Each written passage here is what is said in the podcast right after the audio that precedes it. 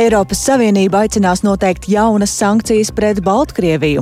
Raidījumā pēcpusdienā skaidrosim plašāk, kādas jomas tas varētu skart un cik efektīvas bijušas līdzinējās. Latvijā šodien sāk uzstādīt vidējā ātruma kontroles radarus. Pirmais šāds posms sāks darboties uz Rīgas apceļa papītas virzienā, un šodien tur ir uzsākti būvdarbi. Tie nebūs tādi plaši būvdarbi, kā tas notiek ceļu remontdarbu vai būvdarbu laikā. Interesēsimies, kad un kur jaunā kontrolas sistēma sāks darboties, un skaidrosim arī, kad un kāpēc meža parkā tiek plānota vērienīga koku izciršana. Par to visu jau pēc brīža raidījumā pēcpusdiena.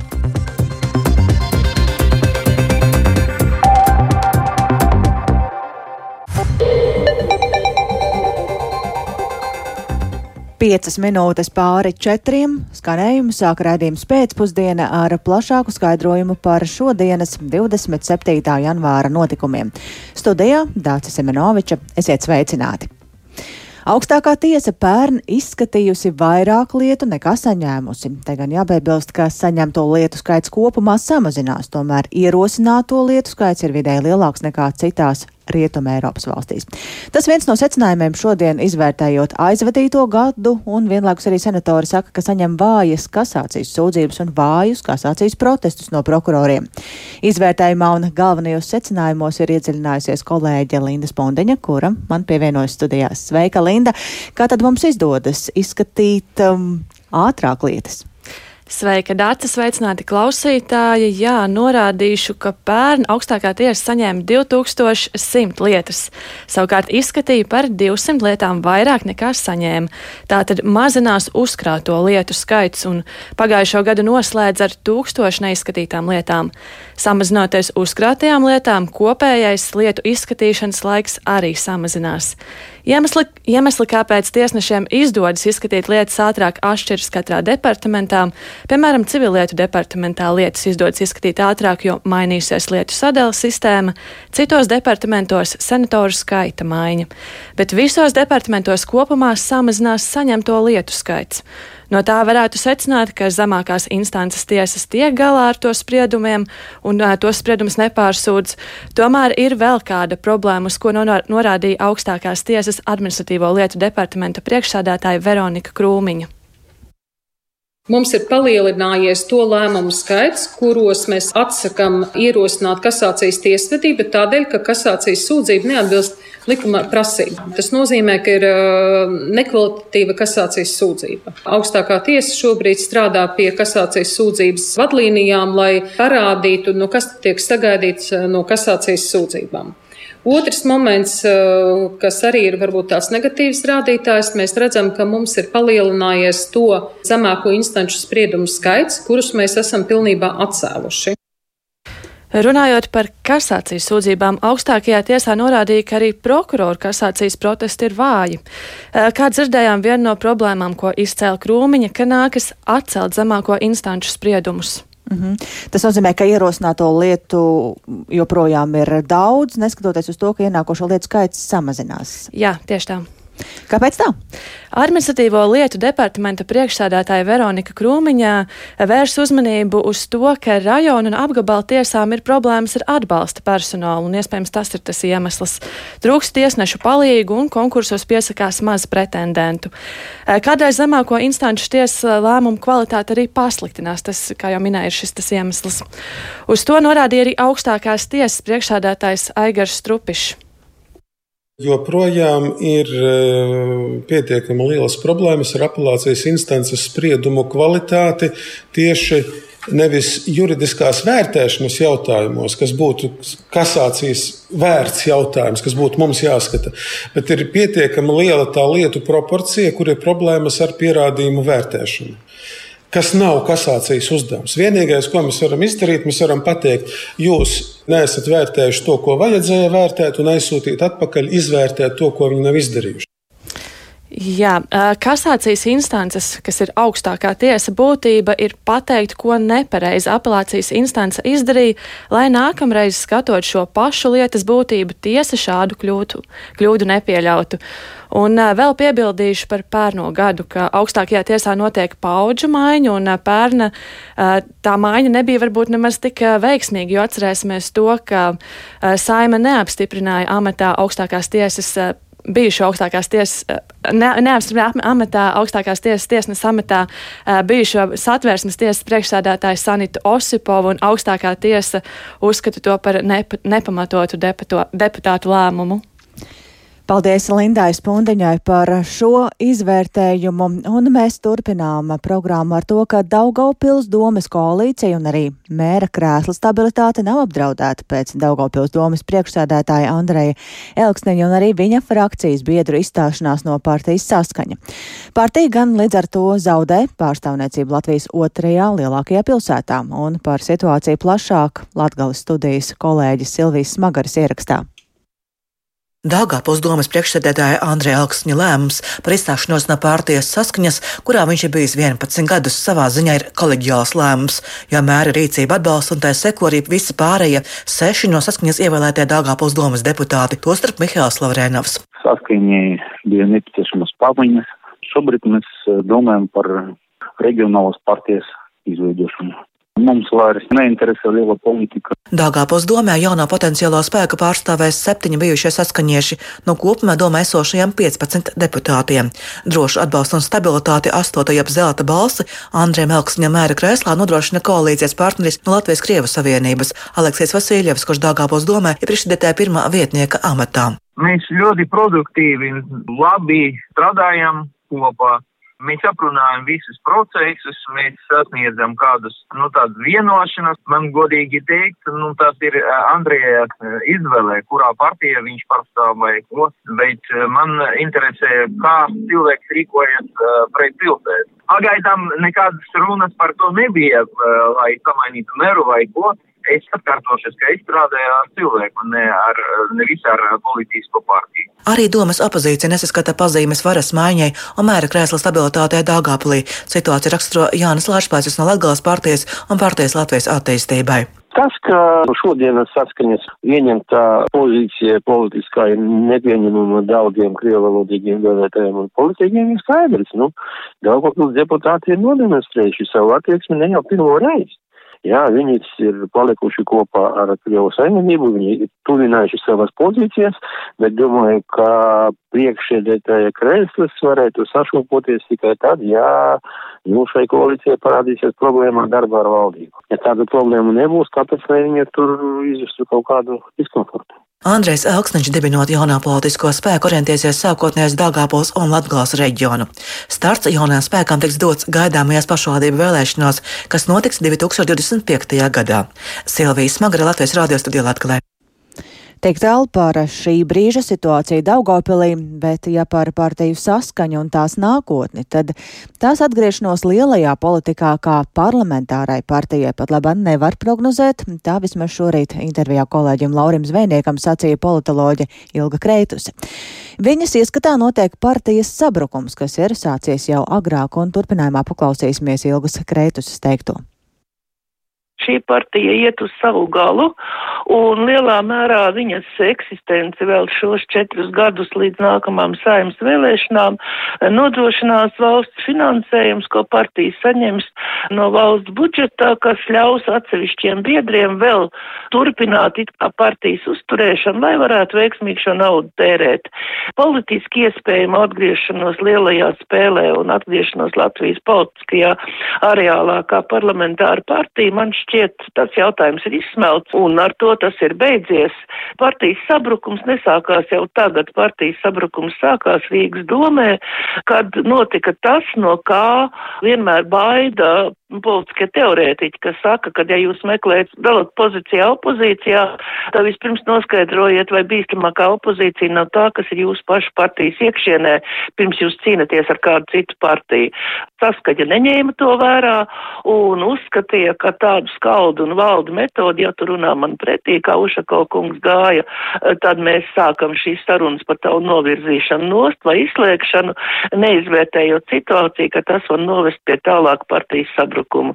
Un tas, kas šodien notiek, tas ir pilnīgi loģiski un šeit nav nekādu pārsteigumu, ka tā būs skaistas runas, skaista runāšana par vienotību savās rindās un par attīrīšanos un tādām lietām, bet tie visparastākie parametri, kas nosaka, ka partija tuvojās savas eksistences beigām. Bet vai nevarētu partija glābt kāda zvaigzne, varbūt kādu citu lokomotīvu? Nu, tas šodien vairs nespēlē, bet ir vēl viena lieta. Es domāju, ka e, jau pats pa faktors parādījās, ka Bataševičs kungs, Elksniņa kungs aizgāja uz pašvaldībām. Tas parāda, ka šie cilvēki jau no partijas iekšienes noteica to, kur būs tie spēka punkti, kuri viņu iespējamie spēka punkti, redzot, ka tas valstiskais ir pagājis nost un nav jau ko vilkt ārā tādu, ar ko varētu piesaistīt jaunu vēlētāju. Bet e, šis e, reģions nacionālais spēks, par ko tā pieminējies Relksniņš, tas būtu tā kā ilgtermiņa projekts, jeb tas būtu starpsolis, teiksim, nākotnē savienoties ar stabilitātei, jo viņi šķiet varētu būt tad, tad, tad kaut kur līdzīgi. Zināma līdzība ir, tas ir varbūt forma, kāda uzrunā vēlētāju un auditoriju. Neteiksim, ka pilnīgi vienāda, bet tuvu savstarpēji konkurējoši.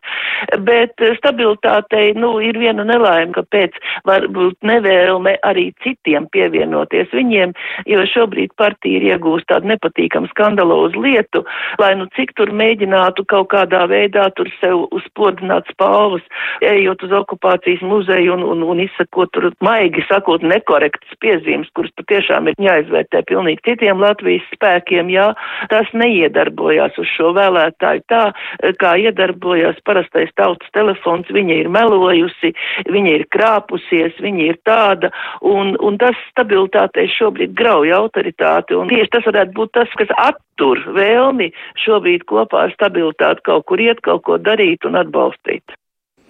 Tā politoloģija Ilga Kreituse par partijas saskaņa, iespējamo nākotni un arī iespējamo reģionālo partiju.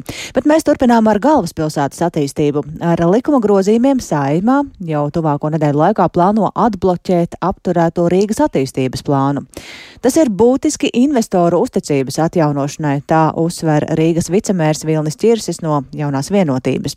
Vienlaikus arī Tieslietu ministrija pērn lemto par Rīgas attīstības plānu apturēšanu ir atzinusi kā nesamērīgu. Vairāk par to interesējās Jānis Kīncis. Skatīšanai saimā iesniegtie likuma grozījumi paredz divu Rīgas teritorijas plānu izmantošanu - gan esošo Rīgas vēsturiskā centra un tā aizsardzības zonas plānojumu, gan desmit gadus tapušo un pērn martā apturēto kopējo Rīgas attīstības plānu. Šis dokuments paredzēja arī liegumu visā Rīgā atrasties spēļu zālēm. Toreizējā reģionālās attīstības ministra attīstībai par pārstāvju Artūru Tomu Pleša ieskatā šo aizliegumu varētu attiecināt tikai konkrētām vietām, nevis uz visu teritoriju. Šis bija bija viens no ieganstiem apturēt visa plāna darbību. Sekoja līdzīgi lēmumi arī par citu pašvaldību vēlmi ierobežot azartspēļu vietas. Rīgas attīstības plānu ar likuma grozījumiem varēs iedzīvināt jau pēc dažām nedēļām, uzsver Rīgas vicemērs Vilnis Čirsis no jaunās vienotības. Tas, uz ko mēs ejam, ir, kad nedēļu vai divu nedēļu laikā Rīga iegūs strādājošu teritorijas plānojumu. Pavisam noteikti Rīga ir uz gadu zaudējusi attīstību. Kādā naudā to novērtēt, to ir, to ir grūti, jā, jo viens ir kaut kādas neveiktās investīcijas, kuras pēc nekustamā īpašuma alianses aplēsēm ir vairāk desmit miljoni, bet vēl ir naudā grūti izmērāms ir uzticības faktors pašvaldībā, jā, jo daudz, sevišķi kaut kāds ārzemju kompānijas, viņas nu, sāk tā no šķīvi skatīties, uz, ja rodās kaut kādi procesi, kurus viņi neizprot līdz galam. Tas var atturēt no tādas uzticības pilsētai un vispār ieguldīšanas šeit ir kāds. Rīgas doma saistībā ar iepriekšējā varam ministra lēmumu vērsās satversmes tiesā. Pēc tā tās lūguma Tieslietu ministrija sniegus analīzi, ar ko iepazinās arī Latvijas radio. Ministrija piekrīt, ka bez mūsdienīga teritorijas plānojuma būtiski kavēta Rīgas kā valsts galvaspilsētas ilgtermiņa attīstību un ietekmēts arī tās budžets. Tieslietu ministrijas vērtējumā Rīgas attīstības plāna pilnīga apturēšana ir bijusi nesamērīga un neatbilst ne satversmē, ne Eiropas vietējo pašvaldību hartai. Tagadējais vides aizsardzības un reģionālās attīstības ministrs Māris Sprindžuks no apvienotā saraksta ir aicinājis pārvērtēt ministra individuālas pilnvaras tik būtisku normatīvo aktu ierobežošanā. Tam piekrīt arī saimnes deputāts un Latvijas Lielo pilsētu asociācijas izpildirektors Viktors Valēns no Zaļo un Zemnieku savienības. Par tādu mēroga jautājumiem būtu jālemj visai valdībai kopumā, viņš uzskata ja tas ir līdz valdības apstiprināt dokuments, tam tomēr ir daudz lielāks šis izvērtējums un arī daudz plašāks iesaistīto cilvēku lokus, kas izslēdz subjektīvas kaut kādu iespēju interešu lobby, kas šajā gadījumā bija visnotaļ uh, izteikts vismaz publiskā telpā, ļoti daudz. Uzdevums ierobežot azartspēju darbību ir saglabājies, piebilst Vilnis Čirsis. Šobrīd uz Rīgas domu pastiprinātā apjomā nāk pieteikumi dažādu azartspēļu zāļu atvēršanai, paplašināšanai. Uzskatām, redzam tendenci, domāju, ka varētu būt nesaistīta ar šo situāciju, ar teritorijas plānojumu un, un ar to plašu lēmumu.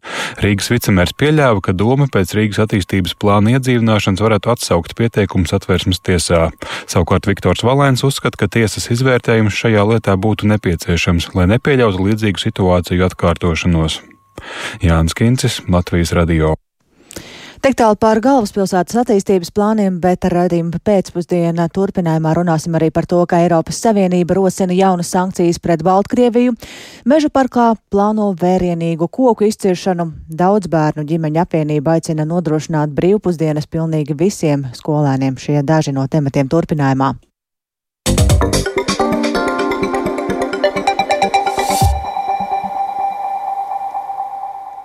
Eiropas Savienība rosinājusi jaunas sankcijas pret Baltkrieviju, šādi turpinot vērsties pret autoritāro Mīnskas režīmu par tā atbalstu Krievijas karam pret Ukrainu. Tā ir noskaidrojis starptautiskais mēdījis Bloomberg, un jāatgādina, ka Krievija ir izmantojusi Baltkrieviju kā placdarmu, lai uzbruktu Ukrainai, un arī Krievijas karaspēks joprojām atrodas Baltkrievijā. Turklāt Krievija arī no Baltkrievijas ir apšaudījuši, eh, apšaudījusi Ukrainu ar raķetēm. Un, lai skaidrotu par šīm sankcijām vairāk, esam sazinājušies ar Rīgas Stradiņa Universitātes asociēto profesoru, ģeopolitikas pētījumu centra direktoru Māri Anģānu. Labdien! Sveicināti! Kādas sankcijas um, šajā gadījumā mēs varētu sagaidīt un uh, cik efektīvas ir arī līdzšinējās? Jā, nu tad Baltkrievijā jau vērsts ir virkni sankcijas uh, pēc 2020. gada gototajām vēlēšanām par vardarbību uh, pret saviem iedzīvotājiem un, protams, arī par Raina lidmašīnas piespiedu nosēdināšanu Baltkrievijā. Un, protams, arī sankcijas ir ieviestas pēc Krievijas uzsāktā kara pret Ukrainu. Un ir ļoti loģiski, ka sankcijas pret Baltkrieviju tiek pastiprinātas. Tāpēc nu, ļoti cerams, ka izdosies ambiciozs sankciju saraksts beig beigās, jo nu, spiediens pret Baltkrieviju acīm redzam ir jāpastiprina. Kādās jomās mēs varētu runāt par šīm sankcijām? Jā, no līdz šim pietiekami daudz sankcijas noteikti pret konkrētām privātpersonām, pret Baltkrievijas bankām, tostarp arī nu, atslēdzot iespēju darboties SWIFT sistēmā, pret Baltkrievijas centrālo banku, pret aviācijas sektoru. Nu, tad šeit sankcijas iet tālāk arī, nu, vairāk pieskatos enerģētikas sektoram, nu, ierobežojot dažādu veidu piegādes, dubult pielietojamās tehnoloģijas, ko varētu izmantot arī bruņojumu ražošanā. Ko potenciāli gan Baltkrievija, gan pēc tam arī Krievija varētu vērst pret Ukrainu. Ko tas varētu pašai Baltkrievijai nozīmēt? Uh, nu, Baltkrievijai, uh, nu, līdzīgi kā Krievijai, noteikti nu, nāktu saskarties ar uh, vēl lielāku tā, deficītu rezervus daļās, tad, nu, uzturot savu infrastruktūru, ražošanas sistēmu, un viennozīmīgi tas dzīvi Baltkrievijā apgrūtinātu, bet nu, no otras puses arī skatoties uz to, kā Krievija tiek galā ar sankcijām, nu, tas nebūtu tāds būtisks uh, spēles uh, noteikumu mainītājs. Nu, Baltkrievija no šīm sankcijām viennozīmīgi nesapruks un tāds uzvedība būtiski nemainīsies. Nu, jā, un vēl viens jautājums arī ir, cik Eiropa pati ir gatava tādai vienotai reakcijai? Nu, noteikti reakcija būs nevelti arī šāds priekšlikums, un domāju, ka varētu būt reakcija vieglāk nekā attiecībā uz Krieviju. Atcerēsimies arī par Krieviju, nebija nemaz tik liela vienprātība pēdējās sankciju kārtās, nu, kur atsevišķi dalībvalsts izteica iebildumus par, par naftas produktu importu no Krievijas un par līdzīgiem jautājumiem. Baltkrievija, protams, nav tik sistēmiski būtisks spēlētājs.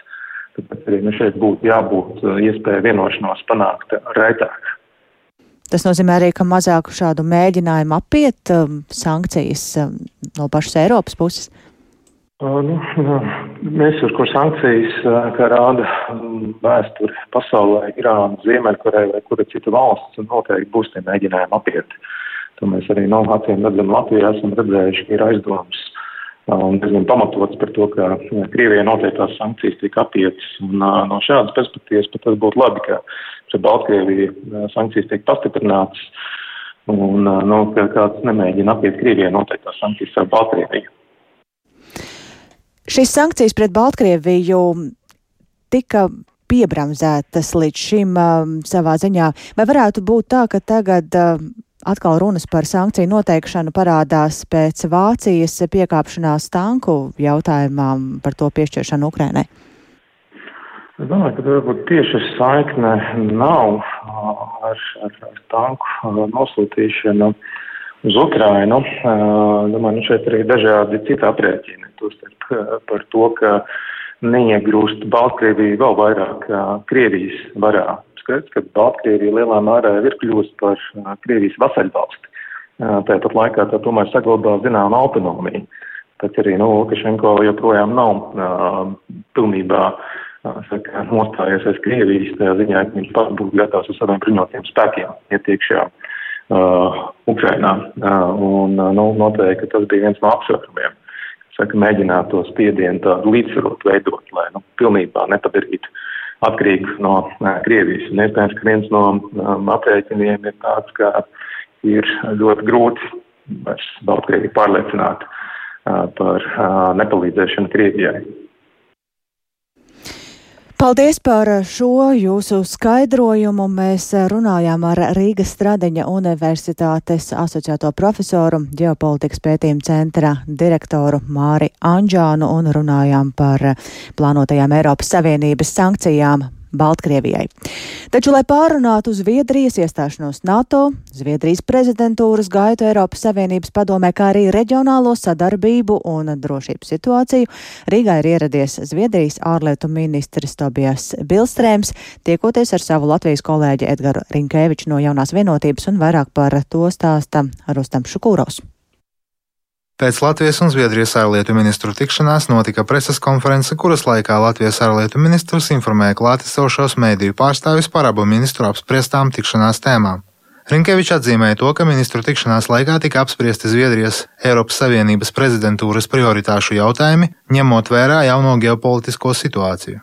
Latvijas ārlietu ministrs arī uzsvēris to, ka tika apspriesti jautājumi par turpmāko sankciju piemērošanu Krievijai, starptautiskā tribunāla izveidi, Krievijas agresijas pret Ukrainu noziegumu izmeklēšanai un iztiesāšanai, kā arī par finansiālu atbalsta nodrošināšanu Ukrainai. Pēc Rinkēviča teiktā jautājumi par Zviedrijas dalību NATO neizpalika bez apspriešanas. Latvijas ārlietu ministrs kārtējo reizi paudis stingrus atbalsta vārdus Zviedrijas pilntiesīgai juridiskai un faktiskai dalībai aliansē, saucot to par būtisku Baltijas reģiona valstu drošībai. Savukārt Bilstrēms uzsvēris Latvijas un Zviedrijas divpusējo attiecību svarīgumu. Zviedrijas ārlietu ministrs atzīmējis to, ka abām valstīm jābūt vienotām, lai novērstu draudus Eiropas drošībai. Komentējot neseno protesta akciju Stokholmā pretī Turcijas vēstniecībai, kuras laikā tika dedzināts Korāns, Bilstrēms uzsvēris to, ka neredz vajadzību spekulēt par iespējamo trešo valstu iesaisti šajā provokācijā. Zviedrijā tiesu sistēmā ir neatkarīgas iestādes, kas vajadzības gadījumā to izskatīs. Mums, protams, Zviedrijā ir vārda brīvība, ko ik viens var izmantot, bet es vēlos uzsvērt, ka Zviedrijas valdība nekādā veidā neatbalsta šāda veida pasākumus. Svēto rakstu dedzināšana man personīgi kā ārlietu ministram ir sveša. Zviedrijas ārlietu ministrs uzsvēris, ka viņa valsts ir izpildījusi izdarījusi visas Turcijas prasības, lai tās parlaments rastu iespēju ķerties klāt ratifikācijas balsojumam. Rustams Šukūrovs, Latvijas Rādio. Eiropā var atkārtoties 2015. gada migrācijas krīze. Tā brīdina vairākas Rietumē Eiropas valstis, kas saskaras ar arvien pieaugošu iebraucēju skaitu. Vairums no viņiem ierodas caur Rietumu Balkānu valstīm. Tādēļ tagad viens no centrālajiem jautājumiem ir, kā uzlabot to cilvēku atgriešanos mājās, kam Eiropā patvērums ir atteikts. Par to vairāk stāsta mūsu Briseles korespondents Arčāms Konohovs.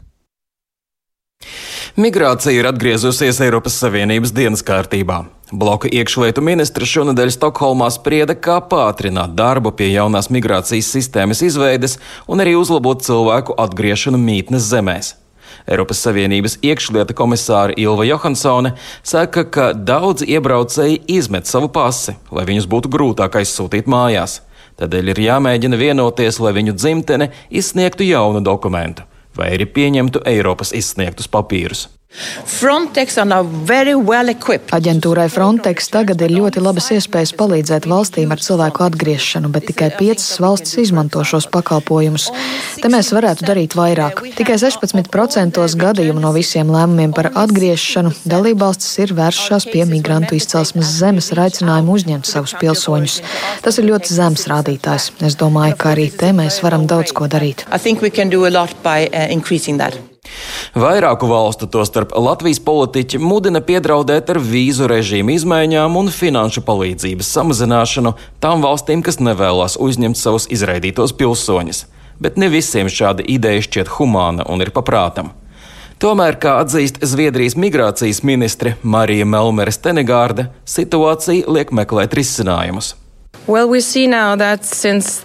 pandemic... Kopš pandēmija ir vairāk vai mazāk beigusies un robežas atkal ir atvērtas, ir vērojams liels cilvēku pieplūdums. It sevišķi caur Rietumbalkāniem, bet arī pa vidusjūru. Vairākas valstis ir ļoti sarežģītā situācijā.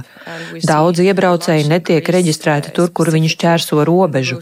Tas padara aktuālāku nepieciešamību apstiprināt migrācijas paktu, lai izveidotu darboties spējīgu sistēmu Eiropā asylum system uh, in Europe. Iebraucēju atgriešanu var pātrināt arī bez jaunā migrācijas pakta pieņemšanas. Par citiem jautājumiem vienoties nebūs tik viegli, jo viedokļi par nastas sadali joprojām krasi atšķiras. Arčuns Kanahos Latvijas Rādio Briselē.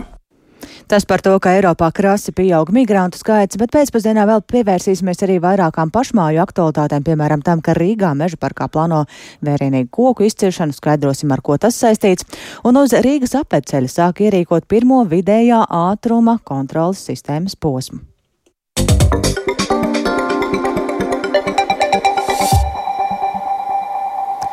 Un vispirms par to, ka siltas pusdienas reize dienā ir jānodrošina visiem bērniem visās mācību iestādēs, neatkarīgi no ģimenes rocības vai sociālā statusa. Ar šādu aicinājumu klajā ir nākusi Latvijas daudzbērnu ģimeņa apvienība un pašlaik um, jāpiebilst, ka par valsts naudu skolās var paēst pirmo līdz ceturto klašu audzēkņi, bet pārējo skolēnu ēdināšana ir katras pašvaldības ziņā. Taču sociāla-ekonomiskie apstākļi pašlaik sarežģījuši ir daudzu ģimeņu ģimeņu dzīves apstākļus. Par to vairāk Zānes ēniņas sagatavotajā ierakstā. Rīgas valsts trešās gimnāzijas ēdnīcas darbinieki uzkopja ēdamzāli pēc pēdējā pusdienas starpbrīža un gatavo nākamo maltīti. Sarunājos ar ēdnīcas vadītāju Tatjanu Groševu. Pastāstiet, kas šodien bija pusdienās? Šodien pusdienas bija makaroni ar gaļu, dārzeņu rudens zupiņā, biespiens ar krējumu ar zaļumiem un dzēriens Un cik tas maksā? Kopumā tas maksā skolotājiem. Arī viņi var nopirkt to par 2,50. Tas kompleksa maksā un skolniekam 2,15 eiro. Tāpat kā citās Rīgas skolās, arī trešajā gimnāzijā vienu eiro par ēdienreizi samaksā pašvaldība, bet vecāku līdzmaksājums ir 1,15 eiro. No maksājuma atbrīvotas ģimenes, kuras atbilst noteiktiem kritērijiem. Turpina Rīgas valsts trešās gimnāzijas direktors Andris Priekulis. Daudzbērnu ģimeņi, aizbildnībā esoši bērni, bērni invalīdi.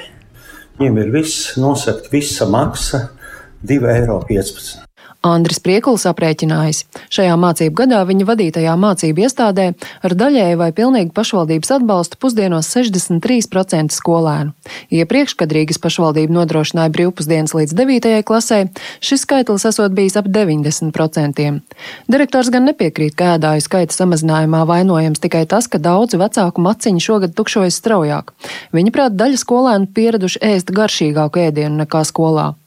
Latvijas daudzbērnu ģimeņu apvienības ieskatā gan dzīves sadārdzināšanās pat labāk skar ne tikai cilvēkus ar zemiem ienākumiem, bet arī daudzas ģimenes, kuras līdz šim sevi varējušas uzskatīt par pietiekami turīgām. Turpina apvienības vadītāja Nacionālās apvienības pārstāve Elīna Treja. Resursi visi sadārdzinājušies, tātad izmaksas ir pieaugušas, energoresursi ir visas pārtika, ir nedod Dievs vēl ģimenes ņēmušas hipotekāros kredītus, un šie hipotekāro kredītu procenti ir pieauguši. Mēs pat neapzināmies patiesībā to situāciju, kādā iepriekš vidusmēra ģimene, kas uzskatīja, ka viņai nav un nekad nekādas problēmas nevarētu būt ar tēriņu sekšanu, kurā viņa var pēkšņi tā ļoti strauji arī nonākt. Daudz bērnu ģimeņu apvienības vadītāji mudina pašvaldības netērēt resursus, izvērtējot ģimeņu ienākumus, bet piešķirt brīvpusdienas visiem bērniem. Ir pašvaldības, kuras šādu ceļu jau ir izvēlējušās, piemēram, Balva novadā, jo izrādījies, ka to ģimeņu, kurām nekādi atvieglojumi nepienāks, ir ļoti maz. Stāsta Balva novada pašvaldības priekšsēdētājs Latgals partijas biedrs Sergejs Maksīmovs. Ko mēs secinām? Mēs secinājām, ka tā sadaļa, kuri nesaņem brīvpusdienas, jā, bija ļoti maza. Un pēc būtības, mūsuprāt, netaisnīga ir tās ģimenes, kuri vīrs un sieva strādā un ja cenšas rūpēties par savu ģimeni. Tā izskaitā arī daudzbērnu ģimenes, un kur plāno būt par daudzbērnu ģimenēm, viņiem nesaņem šo atbalstu. Un patiesībā Mums ir dažādi atbalstu īsvecīgi grūtībās nonākušo palīdzību ar trūcīgiem invalīdiem, jā, bet tiem cilvēkiem, kuri ikdienā cenšas parūpēties par sevi un par savu ģimeni, mums nav tādu atbalstu. Šo bērnu ēdināšana ir viens no instrumentiem, kā mēs varam atbalstīt šīs ģimenes. Daudz bērnu ģimeņu apvienības apkopotā informācija rāda ļoti atšķirīgu situāciju pašvaldībās. Vienas daudz bērnu ģimeņu bērniem pusdienas apmaksā simtprocentīgi, citas par 80%, vēl kādas 50%, citas izvēlas paēdināt tikai trūcīgo vai maz nodrošināto ģimeņu bērnus. Apvienības vadītāja Elīna Treja saka, lai panāktu brīvpusdienu piešķiršanu visiem skolēniem, tā turpinās klauvēt gan pie pašvaldību, gan atbildīgo ministriju durvīm. Zana Eniņa, Latvijas radio. Un būtiska informācija autovadītājiem uz Rīgas apvedceļa posmā Salaspils Babīte šodien ir sākusies pirmā vidējā ātruma kontrolas posma ierīkošana un plānots, ka darbi būs pabeigti marta sākumā. Es iepriekš sazinājos ar Latvijas valsts ceļu pārstāvi Annu Kononovu, kura par to stāstīja vairāk. Šogad kopumā 16 posmos visā valstī uz valsts autoceļiem tiks ieviesta vidēja ātruma kontrolas sistēma, kas nozīmē, ka katra posma galā stāv radars un izmēra to vidējo ātrumu, ar kuru katrs autobraucējs ir izbraucis šajā posmā. Pirmais šāds posms sāks darboties uz Rīgas apceļa papītas virzienā, un šodien tur ir uzsākti būvdarbi. Tie nebūs tādi plaši būvdarbi, kā tas notiek ceļu remontdarbu vai būvdarbu laikā plānots, ka marta sākumā šajā posmā jau šī sistēma darbosies, tātad autovadītājiem būs jārēķinās ar to, ka mūs vairāk kontrolēs. Tīri praktiski, kāds ir tas darbības princips un mērķis šādiem ātrumposmiem? Mērķis ir pastiprināt kontroli un samazināt smago ceļu satiksmes negadījumu skaitu uz Latvijas ceļiem, proti palielināt satiksmes drošību. Un uh, tas princips, pēc kā tas darbojās, tātad, ja parastais radars nomēra šo ātrumu, ar kuru mēs pārvietojamies ar automašīnu tikai tajā vienā konkrētajā vietā, vidējā ātruma kontrolas princips ir tāds, ka tiek izvēlēts konkrēts posms uz ceļa. Posmi ir izvēlēti atbilstoši tam, cik liels ir ceļu satiksmes negadījumu skaits, uz tiem bijis, kāda ir satiksmes intensitāte, cik liels ir kravas transporta īpatsvars un arī kāda ir satiksmes organizācija vienā vai otrā posmā. Un eh, tātad šajos izvēlētajos posmos posma sākumā un beigās būs radars un sistēma, kura izrēķina, ar kādu ātrumu konkrētais posms vidējo ir izbraukts. Un, attiecīgi, ja šis te vidējais ātrums, ar kuru viens vai otrs autobraucējs ir braucis, būs lielāks par atļauto, tad eh, nu, šīs autobraucējs arī saņems attiecīgo sodu. Un aptuveni cik gari ir šie posmi? Ap 10 eh, km gari, jā, viņi, protams, atšķirās nedaudz, bet apmēram tāds garums ir. Un kurās vietās Latvijā visvairāk, ja mēs tā par reģioniem varam pateikt vēl? Nu, grūti pateikt, diezgan vienmērīgi visā valsts teritorijā. Pierīgā drusku vairāk. Tā Latvijas valsts ceļa pārstāve Anna Kononova par to, kas ir jāņem vērā autovadītājiem un, protams, atgādinājums neatkarīgi no radariem ir jāturpina braukt uzmanīgi. Un vēl kāds temats šodien pēcpusdienā Rīgā Meža parkā ievērojamā platībā plāno izzāģēt kokus un par šādiem plāniem ir paziņojusi, paziņojuši Latvijas valsts meži.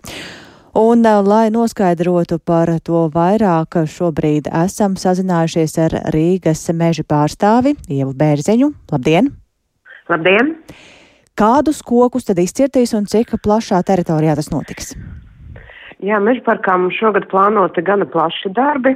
Pirmkārt, mēs pievērsīsimies bīstamajām papelēm. Tas ir trīs vietās, vairāk nekā 6 hektāri. Tātad šajās teritorijās bīstamās papeles mēs pilnībā izzāģēsim un skatīsimies, kādus kokus mēs varam atstāt. Un šajās teritorijās mēs nākamajā gadā jau kopā ar apkaimēm, ar biedrībām, ar vietējiem iedzīvotājiem iestādīsim priedes.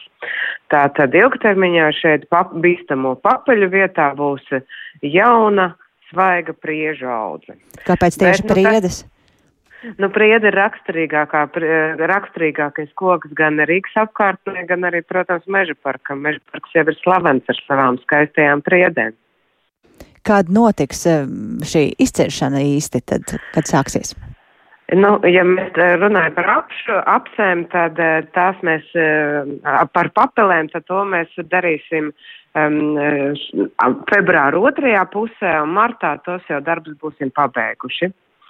Bet tie nav visi meža kopšanas darbi meža parka teritorijā. Tātad um, netālu starp uh, lielo bērnu rotaļu laukumu un veco slidotavu, tātad šeit vairāk nekā 20 hektāra ap, platībā tiks veikta meža ko, kopšana.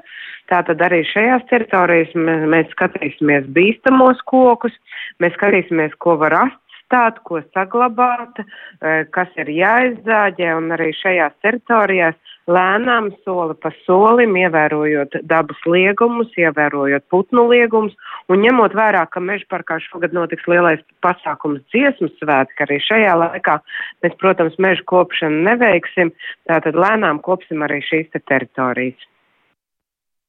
Tas nozīmē, ka dziesmu svētku dalībniekiem un apmeklētājiem nekādu ierobežojumu nebūs un nebūs jāsatrauc, ka kaut ko nevarēs nokļūt, tāpēc, ka ir uh, koku izciešana paredzēta.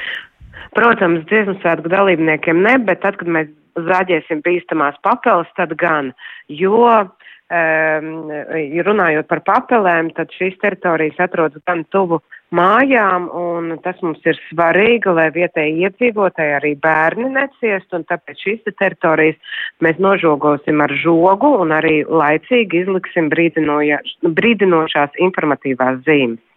Ja runājam par šīm papelēm, vai to izciešana tika apspriesta arī ar iedzīvotājiem un kāds ir viņu vērtējums?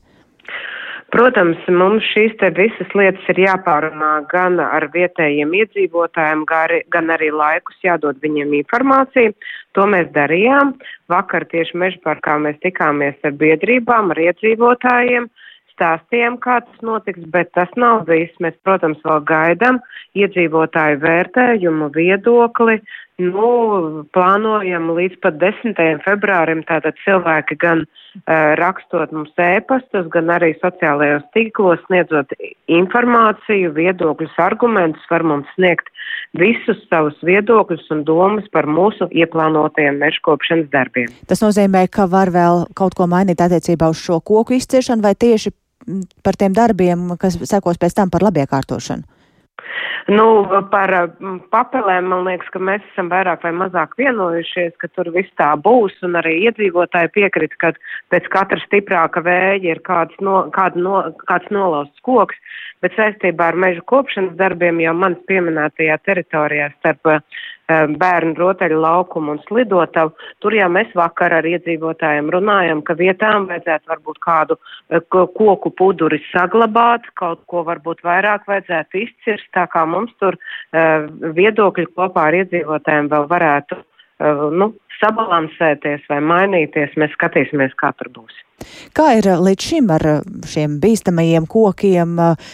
Vai tā ir tāda pirmā pietiekami apjomīga tomēr um, koku izciršana? Nē, nu, tas, ka mēs uh, bīstamos kokus papildus izcērtam, tas nav pirmā reize, un rīznieki jau droši vien atcerēsies vairākās vietās, kur tas ir darīts, bet runājot vispār par bīstamajiem kokiem, mums jāsaka, ka šo, um, 22. gadā mēs izvērtējām visu Rīgas teritoriju, uh, un apzinājām bīstamos kokus.